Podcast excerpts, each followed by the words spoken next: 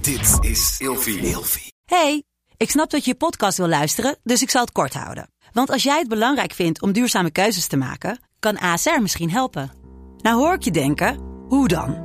Nou, bijvoorbeeld bij het duurzaam herstellen van schade. Of de premies die we beleggen volgens ons duurzaam beleggingsbeleid. Dat bepaalt waar we wel en juist niet in investeren. Wil je meer weten over welke duurzame keuzes ASR maakt? Ga dan naar asr.nl slash duurzame keuzes. ASR doet het. Zo, dan kan je nu lekker naar je podcast luisteren. Vroeger. Meneer de Munnik, we bespreken deze week het onderwerp bijzondere ziekte. En in deze aflevering hebben we altijd een verhaal in de categorie lucht of feitje. We gaan het hebben over je dooddansen, de dansmanie. Ja, de Sint-Jansziekte. Ja, dat kan, hè? De dansmanie. Ook weer een straf van God natuurlijk. Ja? Ehm, ja, het wordt ook wel de danswoede, de danszucht of choreomanie genoemd. En ehm, de eerste beschrijving wo- eh, vindt plaats in Aken rond 1374. Duitsland toch? Ja, en later schijnt het zich dus door Europa te verspreiden. En klinkt het alsof, er een soort van, ja, alsof het een soort van besmettelijke ziekte is. Maar even voor de duidelijkheid. Mensen konden letterlijk niet stoppen met dansen. Nee, mensen maken eh ja, een soort klinkt toch als een idioot iets. hysterisch gedrag. Ze krijgen allerlei Oh. spierkrampen, spasmes eh, of spasmen.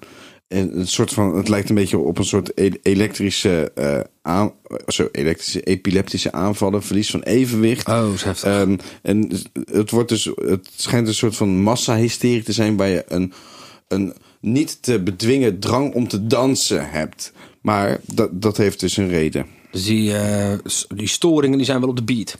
Ja, ja, maar dat is, ja, dat is dus echt. Ja, het, het slaat helemaal nergens. Maar als op je niet eigenlijk. ophoudt, ga je gewoon echt dood, hè? Je danst jezelf dood. Gebeurde Ja, dat echt? Ja, dat gebeurde echt. Mensen raakten oververmoeid, aten niet, dronken niet en stierven. Dit meen je niet. Nee, serieus. Dus, nou, dat is natuurlijk weer, weer een straf van God natuurlijk.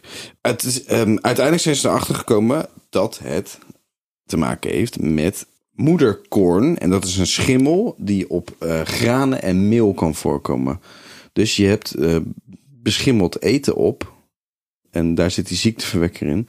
En die zorgt ervoor dat je eh, hem eigenlijk gewoon zwaar gaat trippen. Dat je kortsluiting krijgt. Ja, ja. En, Hoe kom je er vanaf? eh, ja, hoe kom je er vanaf? Want dat moet wel Ehm, binnen een paar dagen gebeuren. Want ja. na drie, vier dagen ben je dood, toch? Ja, nou ja, kijk, dus als je dus weet wat het is, dan kan je het behandelen. Maar ze wisten niet wat het is. En het laatst bekende geval was in 1951 in Pont-Saint-Esprit. En er waren 300 meldingen van mensen met die vergiftigingsverschijnselen. En daarvan zijn er 7 overleden. En vijf, 50 werden opgenomen met psychiatrische symptomen.